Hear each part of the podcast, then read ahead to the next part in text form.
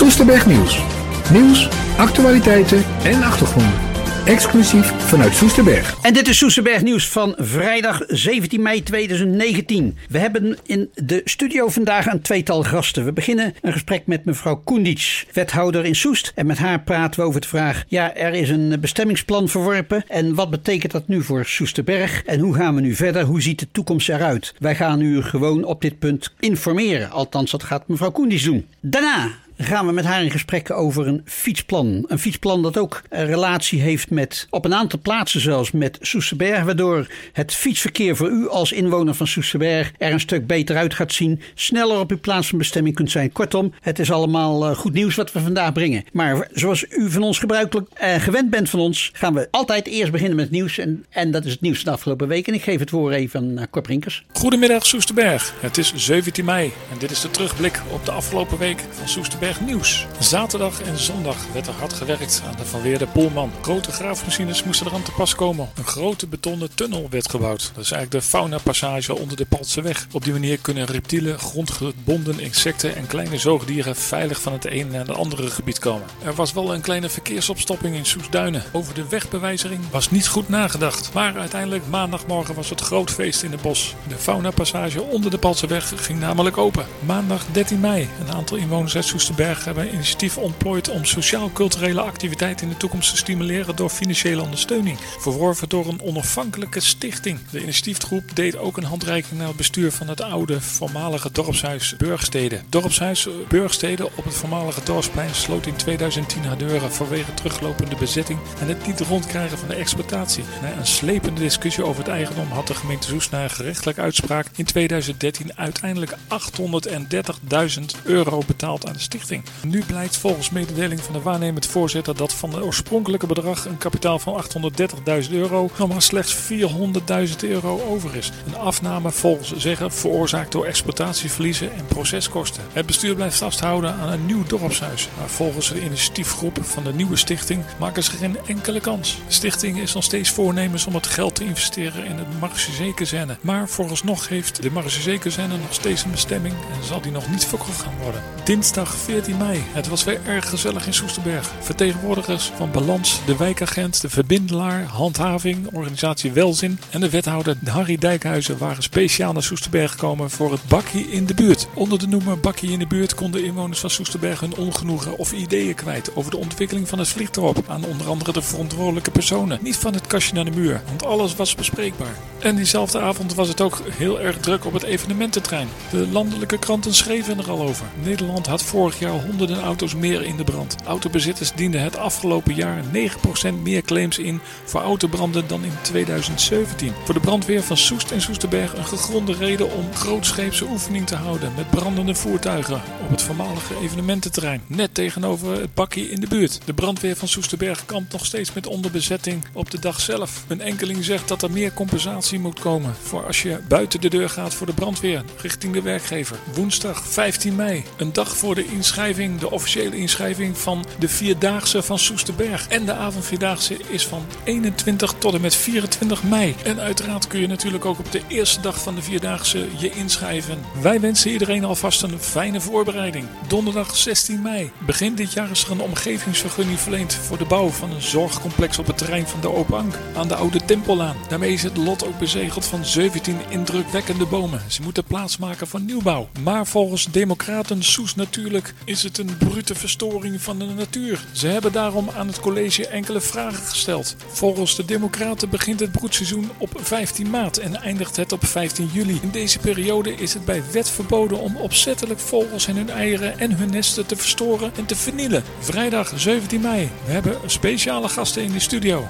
Narmina Koendis, de wethouder, die onder andere de portefeuille van Hart van de Heuvelrug onder haar heeft. En we hebben een hele bijzondere gast en dat is namelijk de woordvoerder van de explosieve En als laatste kan ik u melden, we hebben weer de lijnen open. Bel in op 035 76 077 57. Ik herhaal nog een keer 035 76 077 57. De lijnen zijn open. Graag tot volgende week.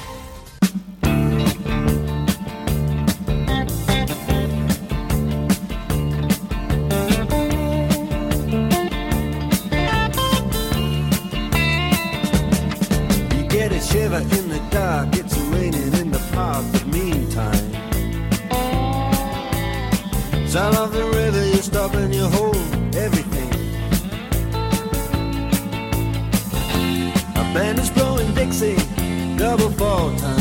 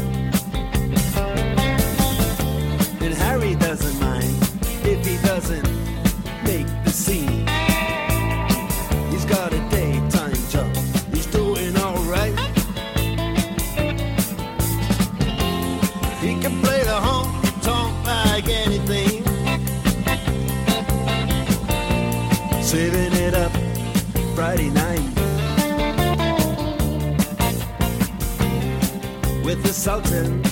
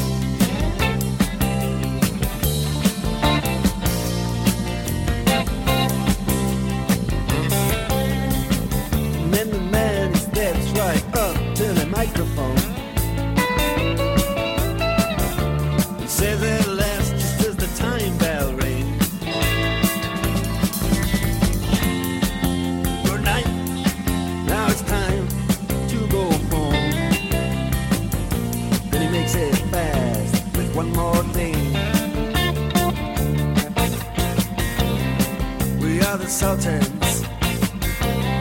We are the sultans of swing.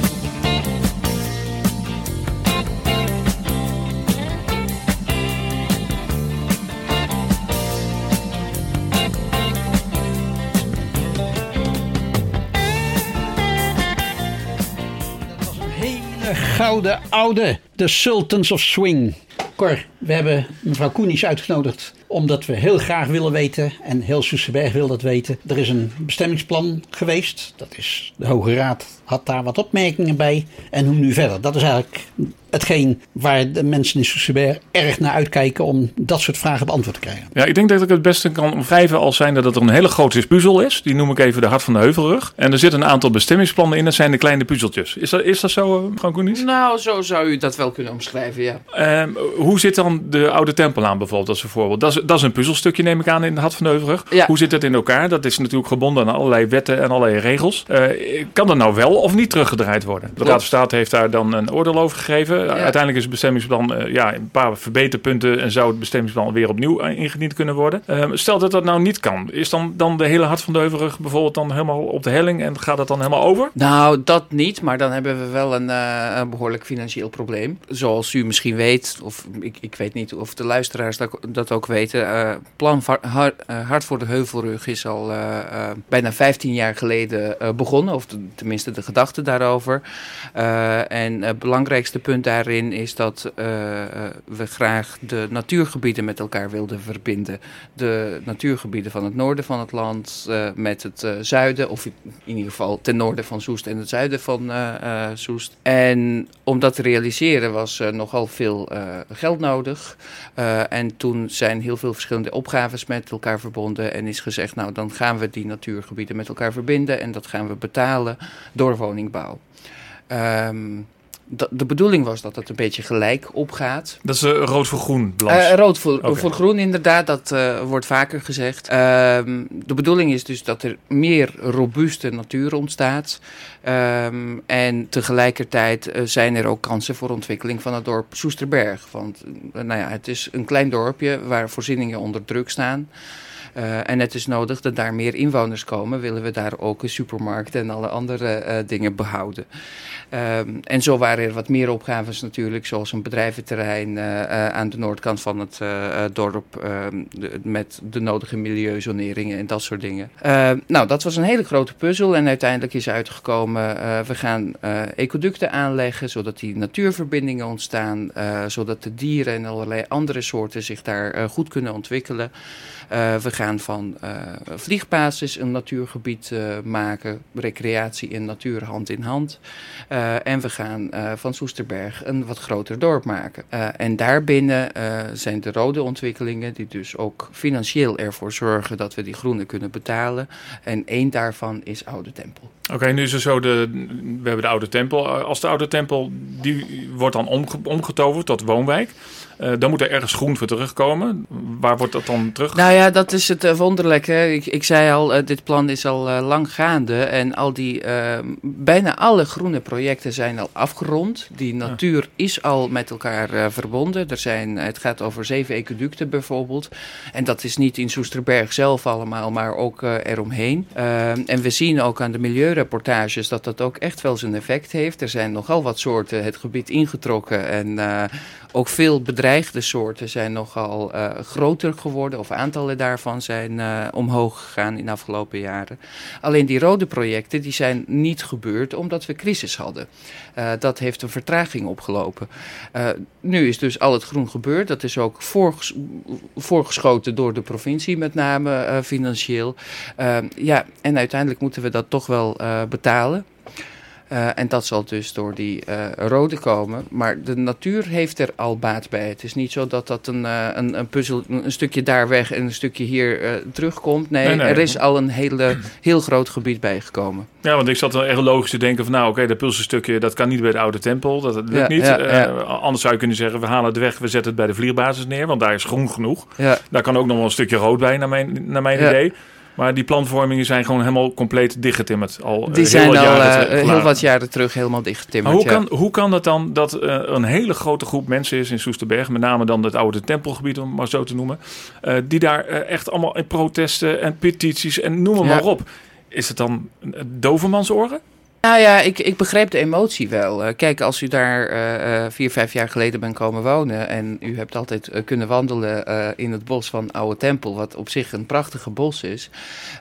En op een gegeven moment hoorde je van de plannen dat nou ja, dat bos gaat verdwijnen. Dat is ook een beetje te kort door de bocht gezegd, eerlijk. Ik, ik merk ook dat daar veel onwetendheid over is, hoe dat nou precies in elkaar zit. Ik kan me voorstellen, waarschijnlijk zou ik dat zelf ook wel hebben, eh, van ja, eh, dat bos mag niet weg. Ehm, het is wel zo dat dat bos ehm, eh, eerder, tot aan vijf jaar geleden zo ongeveer, eigendom was van het landgoed. Eh, het was ook altijd afgesloten. Daar konden eh, Soesterbergers eigenlijk nooit in. Ehm, en zo'n vijf jaar geleden heeft de gemeente dat gekocht om daar dus die woningen te kunnen bouwen.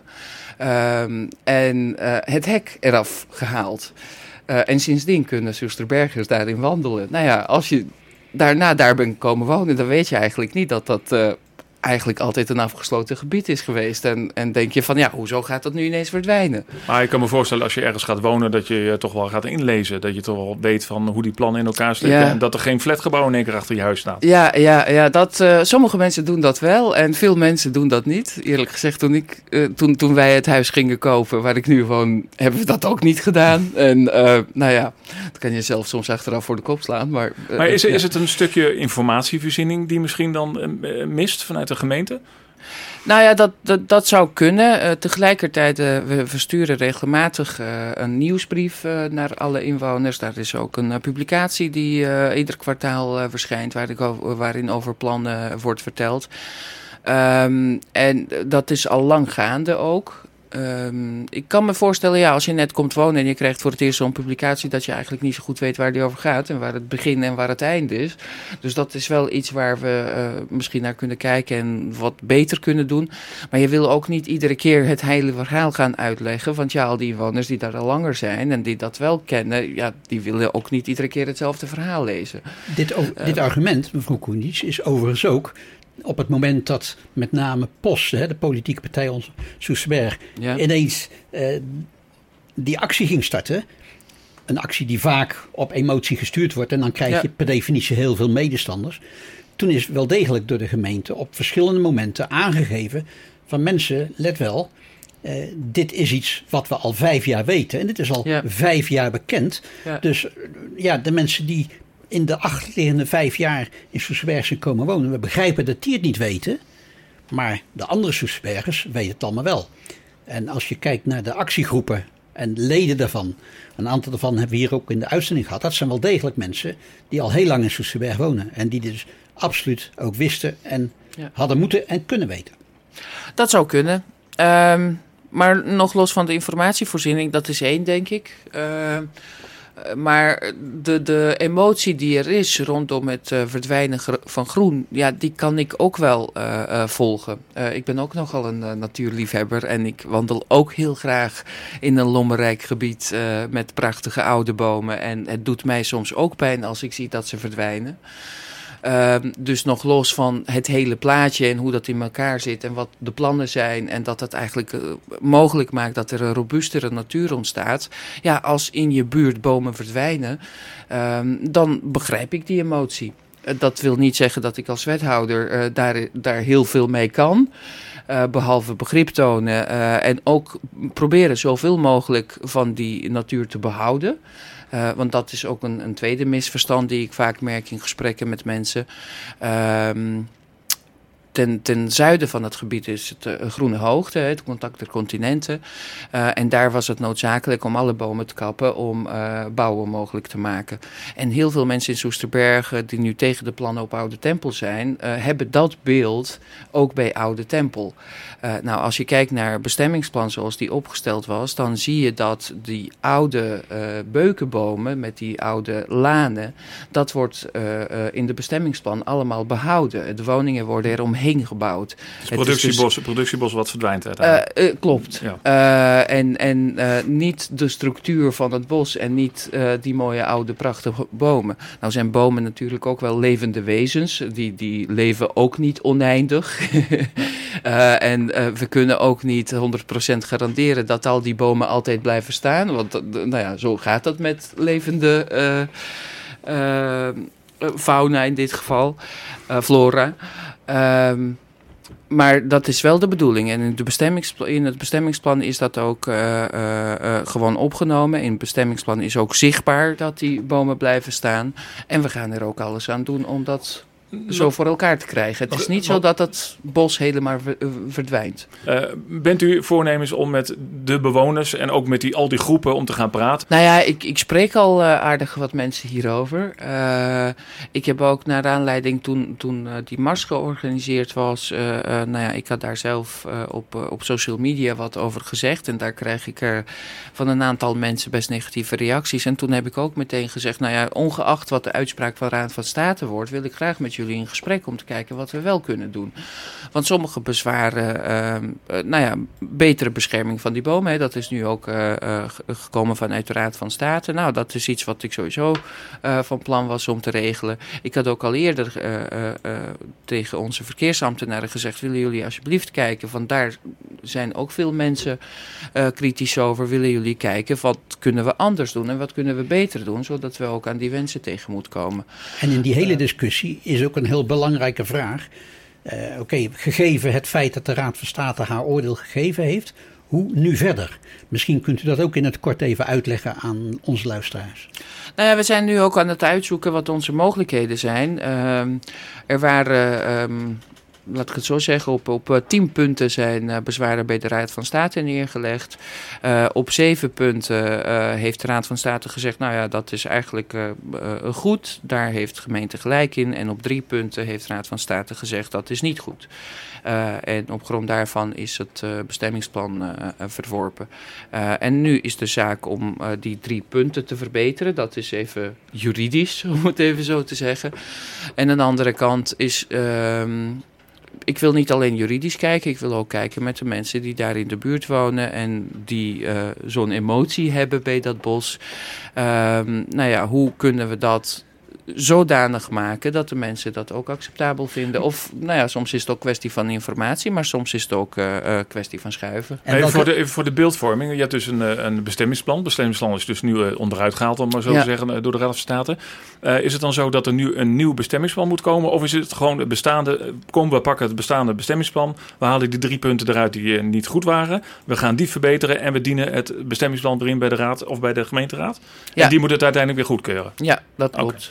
Maar kijk, op die andere zeven punten, ja, het, ehm, eh, als de Raad van State daar oordeel heeft geveld dat dat eh, terechte punten zijn, eh, dat de gemeente dat gewoon in orde heeft gedaan, ja, dan zou ook zonde zijn om daaraan te morrelen. Want als je eraan gaat mo- morrelen, dan kan in verdere procedure weer gezegd worden, dat is dan weer niet goed.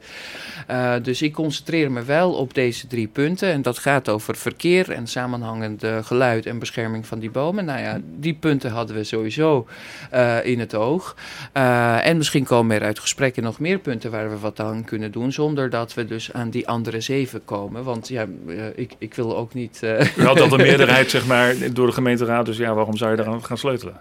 Daar komt het eigenlijk op neer. Nou, het is ook eh, zeker dat de nu Raad van State heeft gezegd... deze zeven punten zijn gewoon in orde. Ja, als, als we daar iets aan gaan wijzigen... zijn ze misschien niet meer in orde. En dat wil ik ook niet. Kortom. Ja. het wordt vervolgd. Dat is eigenlijk de conclusie van Ja, het zeker. eerste deel van het gesprek met mevrouw Ja.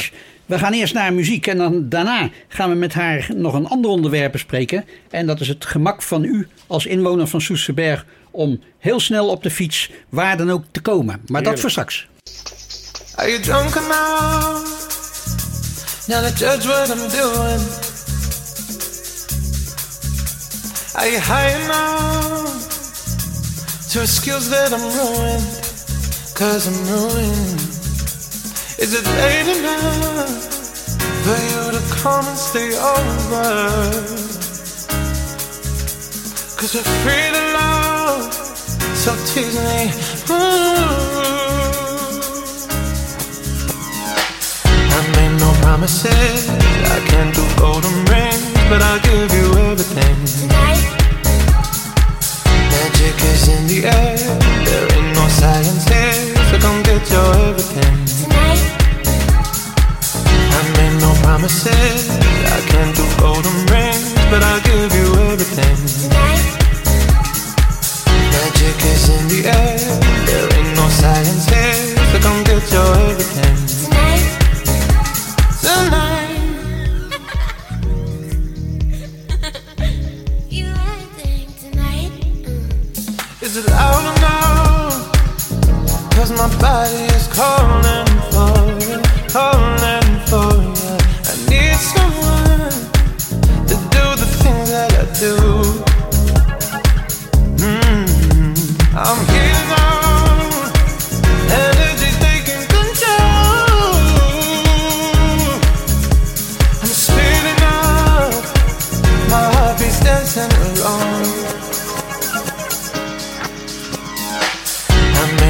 promises. I can't do golden rings, but I'll give you everything.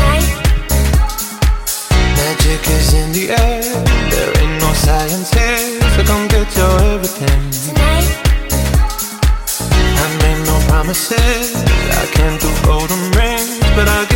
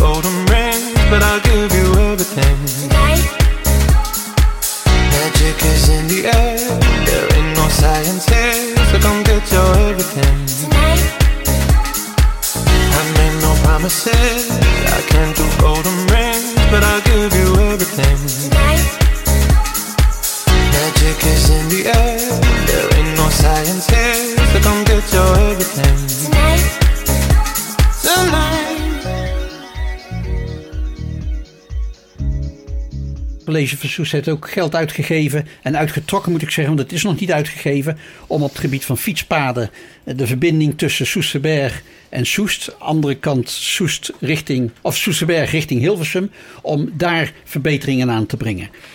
Wat kunt u daarover vertellen, mevrouw Koenic? Nou, eh, eh, misschien moet ik meteen de, de verwachtingen een beetje managen, ondanks dat ik heel positief ben dat het allemaal goed komt. We hebben inderdaad een, eh, eh, een fietsplan eh, gemaakt met een zestal projecten daarin, waarbij drie projecten nou ja, heel dicht bij Soesterberg zijn en ook in Soesterberg zelf. Maar dit gaat wel over een, een, groot regionaal project die de regionale doorstroming moet verbeteren. En wij willen graag eh, ehm, restgeld wat we overgehouden hebben van het project Soes-Zuid bijvoorbeeld, dat willen we inzetten voor onder andere dit regionale fietsplan. Eh, maar de, de gemeenteraad moet het nog goedkeuren, de regio moet het nog goedkeuren en uiteindelijk ook UVVB. Waar Ehm, staat UVVB voor? Utrechtse Verkeers- en Vervoersbureau, denk Bond? ik. Eh, Dat, dat laatste weet ik eigenlijk niet. Maar in ieder geval eh, is het meer op een provinciaal niveau waar, eh, eh, waar dat eh, eh, besloten wordt. Ehm, dus eh, wij als gemeente hebben het geld niet om dit eh, zelf te doen, maar omdat we wat overgehouden hebben aan de andere projecten die in Soest waren, eh, denken we dit te kunnen inzetten. En eh, nou ja, ik ben daar ook positief over dat het wel goed eh, komt. Wa- Waar, wat gaan de inwoners van Soesterberg hier concreet van merken? Nou ja, ik zei net, eh, drie van deze projecten hebben met eh, Soesterberg te maken. Eén is eh, de verbinding over de vliegbasis, Schakel den Dolder, eh, ehm, of eigenlijk moet ik hier zeggen, fietspad Soest, eh, Soesterberg. Eh, en dat eh, gaat bij de nieuwe ingang naar de vliegbasis gewoon vanuit Soesterberg langs Pleisterplaats, wat nu wordt gebouwd, en dan, langs het museum naar Palserweg. En een ander stukje daarvan gaat richting Den Dolder. Dus de, nou ja, de, de reistijd met de fiets wordt aanzienlijk verkort. En een ander project, ehm, dat is ook weer regionale doorstroming. Dat is een snelfietsroute tussen tussen Utrecht en Amersfoort, die voor een groot deel ook over Soester grondgebied gaat. En dat is net boven Soesterberg uiteraard, daar langs, uh, langs het spoor bij Soesterduinen. Ehm, maar met die uh, uh, twee delen, wat ik net vertelde, uh, vanuit Soesterberg, kom je eigenlijk ook heel snel op die snelfietsroute. En dan kan je of richting Utrecht of richting Amersfoort over die snelfietsroute. Kortom, op fietsgebied gaat er heel veel verbeteren. dat hoop ik wel, ja. Als we even in de ambtelijke molen kijken en in uw bestuurlijke agenda, schat eens in op welk moment is dit allemaal gerealiseerd? Nou ja, we, de, de, de bedoeling is dat dat uh, rond 2020, uh, 22 gaat gebeuren. Want we hebben natuurlijk ook gewoon tijd nodig. Uh, we hebben nu deze plannen gemaakt. We hebben, uh, nou ja, het college heeft voorlopig daarover besloten. Nu is dat in participatieronde. Dan kunnen mensen uh, die daar in de buurt wonen zich daarover uitspreken. Dan komt het weer terug. Dan gaat het college definitief besluit nemen. Daarna gaat het naar de raad en dan de regio en UVVB. En als iedereen akkoord is waar ik nogmaals positief over ben. Uh, dan kunnen we starten met concrete voorbereidingen. En uh, nou ja, dan volgt het uitvoeringstraject. En dat heeft ook gewoon zijn tijd nodig. Plus minus 2022. 22, ja. We gaan het allemaal meemaken. Dank mevrouw Koenisch dat u uh, het begin van de vrijdagavond heeft willen vrijmaken voor de gesprek hier in de studio bij Radio Soest. Wij wensen u een heel fijn weekend. Ja, Geniet ervan. En ook fijn weekend voor de luisteraars. Dank u wel. Zeker. Bij deze. Homegrown alligator, see you later. Gotta hit the road, gotta hit the road. The sun ain't changed in the atmosphere, architecture unfamiliar. I could get used to this. Time flies by in the yellow and green. Stick around and you'll see what I mean. There's a mountain top that I'm dreaming of. If you need me, you know where I'll be. I'll be riding shotgun underneath the hot sun, feeling like a someone. I'll be riding shotgun underneath the hot sun, feeling like a someone. We're south of the equator, navigator, gotta hit the road gotta hit the road. Deep sea diving round the clock, bikini bottoms, lager tops. I could get used to this. Time flies by in the yellow and green. Stick around and you'll see what I mean. There's a mountain top that I'm dreaming of. If you need me, you know where I'll be. I'll be riding shotgun underneath the hot sun, feeling like a someone. I'll be riding shotgun underneath the hot sun, feeling like a someone. We got two in the front, two in the back, sailing along,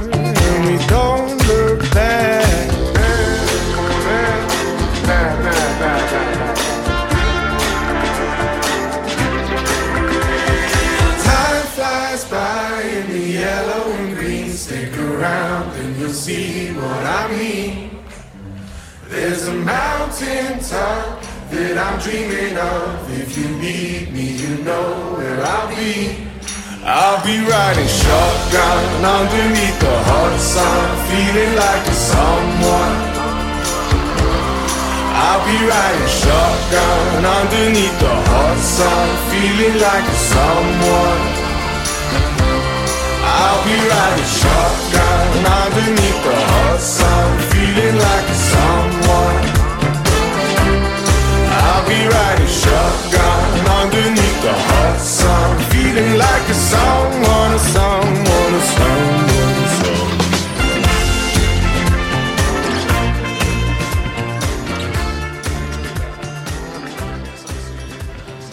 Inmiddels is Werner van Rooij, major van de EOD, bij ons aangeschoven. De EOD, uh, jullie zitten in Soesterberg. Aan het Zeisse spoor. Als ik me niet vergis, eh, ga je Zeisse spoor vanaf Soesterberg en dan zit het aan de rechterkant, dacht ik. Ja, nummer 12 tegenover de Dumoulin-kazerne. En eh, jullie eh, gaan eruit, zeg maar, bij iedere melding. Hoe komen die meldingen bij jullie binnen? Binnen de politie ehm, hebben ze explosieve verkenners. Die explosieve verkenners die, ehm, zijn speciaal opgeleid. Op het moment dat die, die mensen de behoefte hebben om ex- extra expertise te hebben qua v- gevaar en, en de herkenning van het explosief, dan bellen die mensen rechtstreeks met de explosieve opruiming. Oké, dus het is niet zo dat eh, eh, ik zie ergens een granaat liggen, dan bel ik eerst de politie, neem ik aan? Of, of kan ik dan jullie dan ook direct bellen? Ik neem Nee. aan dat dat via de politie gaat. Ja, normaal Ja, gesproken belt u de politie. De politie die hoort eh, het probleem. Die stuurt een explosieve verkenner. Die gaat inschatten, is het daadwerkelijk een explosief? En zo ja, wat is dan eventueel de impact, het gevaar voor de omgeving? En dan daarvan gaat hij bellen met de explosieve opruiming. En dan wordt er ook een prioriteit. Was bepaald. deze verkenner vanochtend ook te gast, eh, noem het maar even grote aanhalingstekens, in de Soesterbergse straat bij de mogelijke ramkraak van de ING-bank? Ja, dat klopt. Dat is wel een heel andere tak van sport. Want waar we het net over hadden, dat zijn de conventionele explosieven. Terwijl de explosieven die met name nu eh, achtergebleven zijn na de Tweede Wereldoorlog. En die eh, ramkraak, ja, dat is een, van een heel andere orde. Tak van Mm, sport Ja, geworden, hè? maar wel in die zin eh, allemaal explosief. En in die zin ook een heel groot probleem voor de omgeving qua risico. Ja, Waar de EOD in voorkomend geval ook acteert. ja klopt. Jullie hebben de, de oude explosieven, zeg maar. Jullie hebben de nieuwe explosieven, om dit te noemen dan in Soes, wat er gebeurd is. Eh, jullie hebben ook nog een museum, heb ik me laten vertellen. En jullie hebben ook nog een opleidingscentrum. Ehm, museum, ja, in de volksmond heet het museum. Nou, het is geen museumpje, het is heel groot.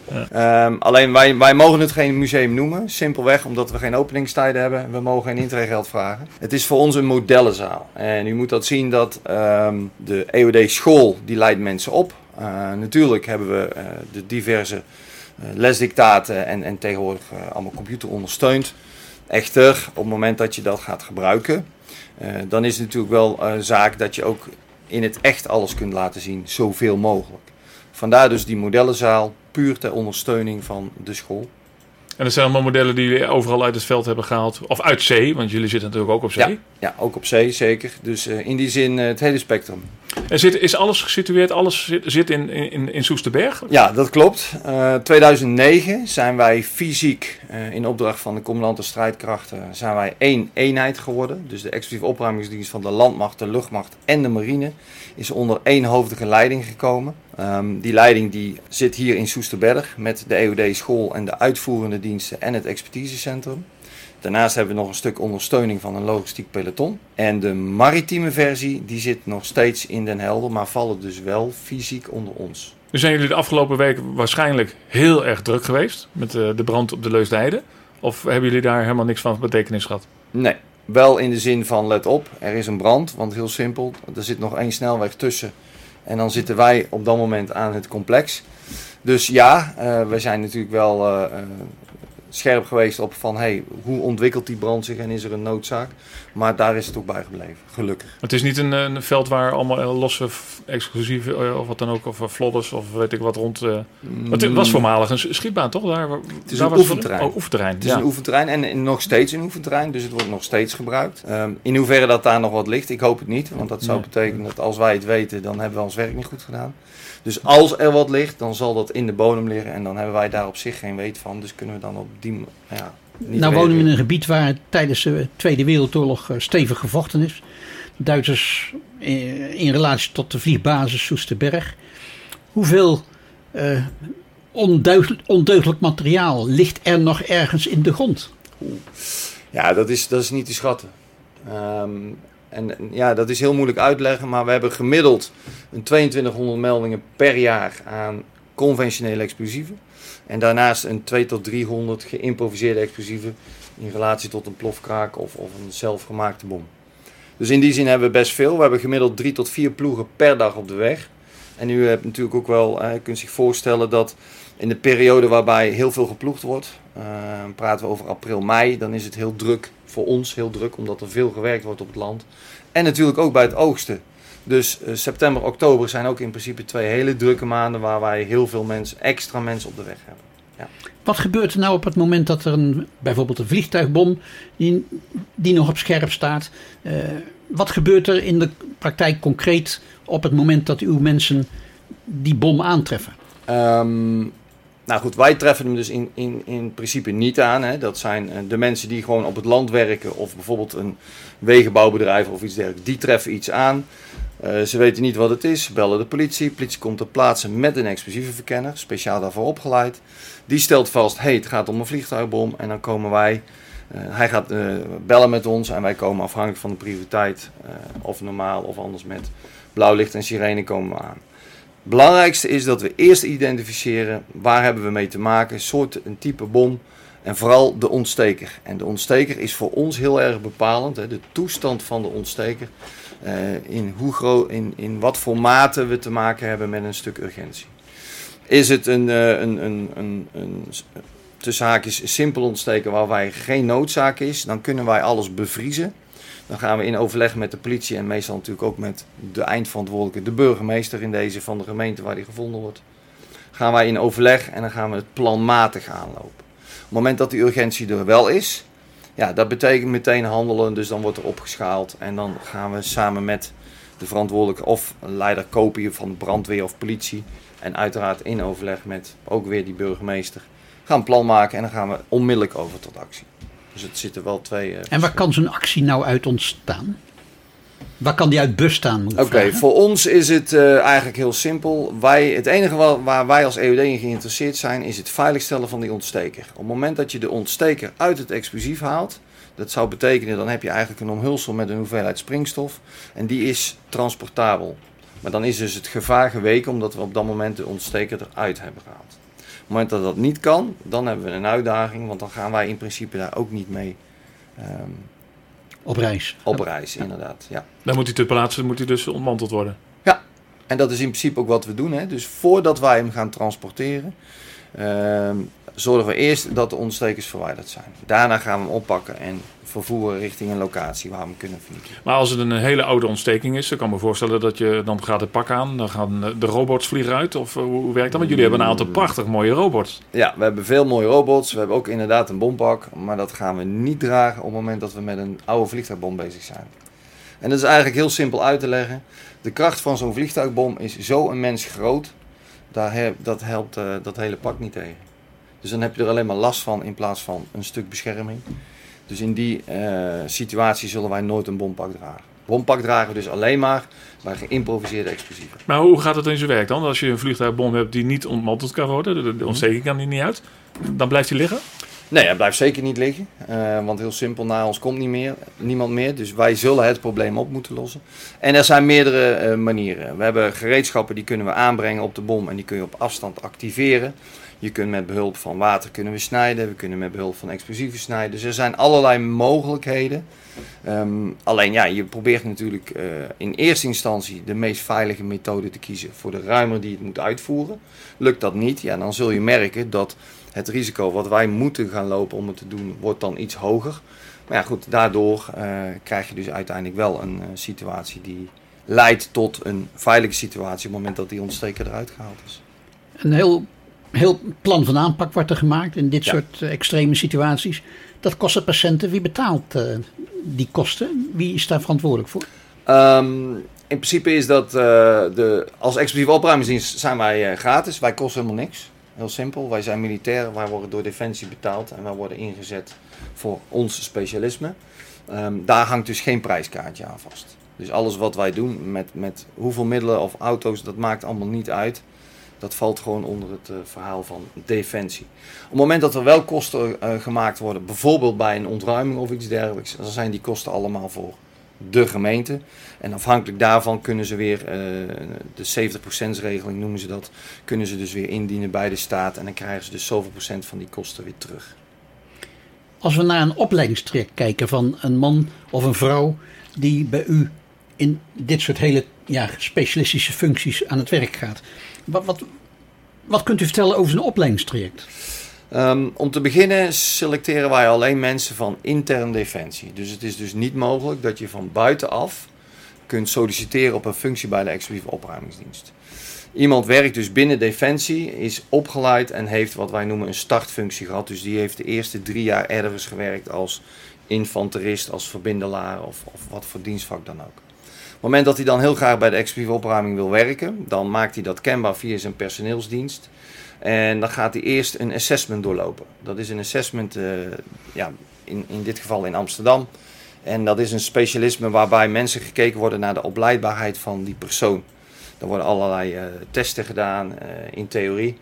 Eh, er wordt psychisch natuurlijk gekeken. En de tweede dag gaat hij een x aantal praktische testen doen waarbij competenties bekeken worden. En op grond daarvan wordt hij dus beoordeeld of men hem geschikt acht om bij de explosieve opruiming te komen. En hoe lang duurt dat traject, die assessment? Dat assessment is twee dagen.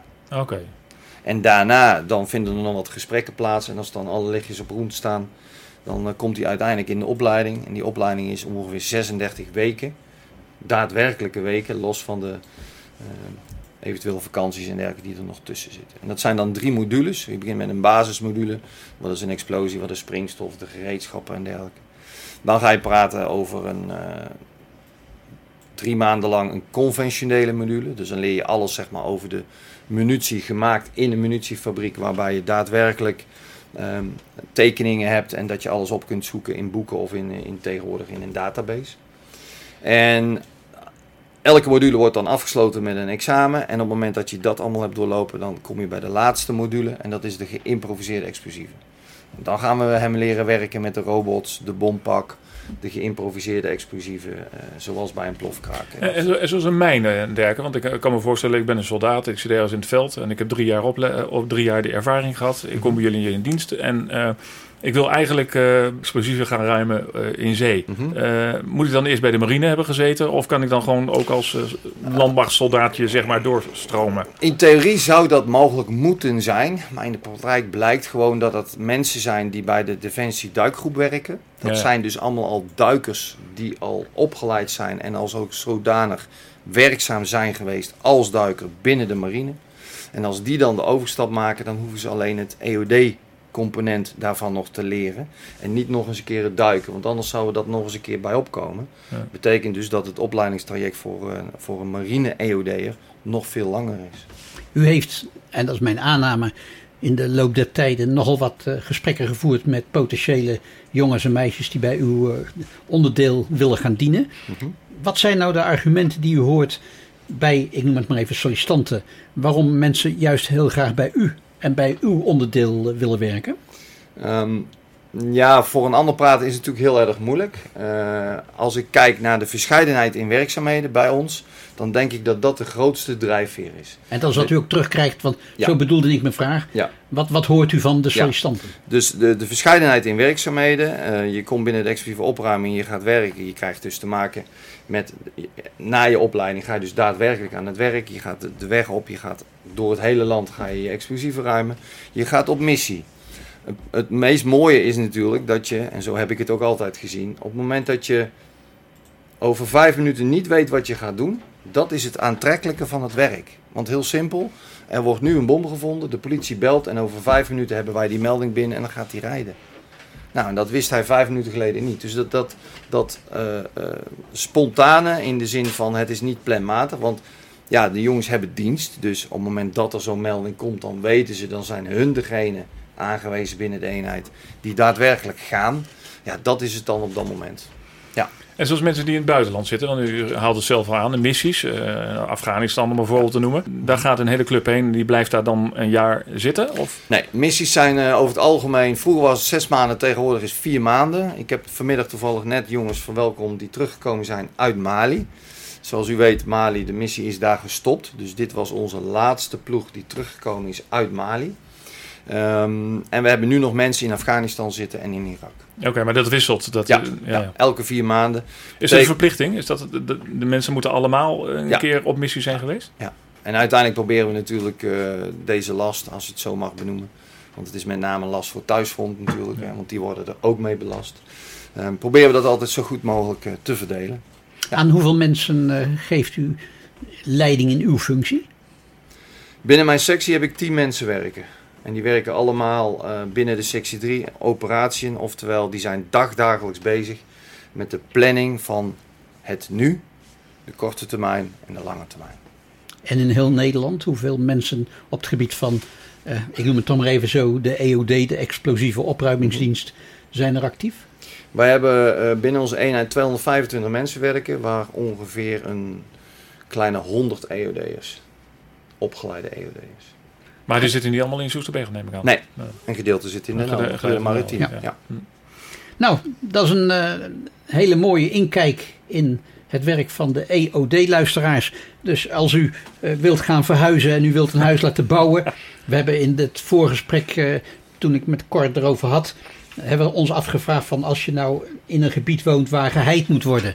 Wat zouden ze nou eerst doen? Eerst heien en dan ruimen of doen ze het andersom? Ja, ik denk dat eh, meneer Van Rooij zou gruwelen bij de gedachte dat we eerst gaan heien. ja, dat lijkt mij niet zo verstandig. Wij ronden af, want het is de klok van zeven Tik, tik, uur die tik. nadert.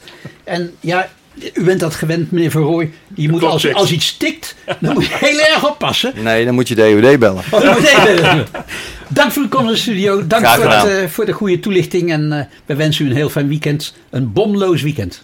Dankjewel. Absoluut. En u luisteraars, eh, danken wij voor uw aanwezigheid in deze uitzending. Wij horen u graag volgende week weer. Wij wensen u een heel goed weekend. En namens iedereen hier in de studio, geniet ervan. Fijn weekend! I understood loneliness before I knew what it was. Saw the pills on your table for your unrequited love.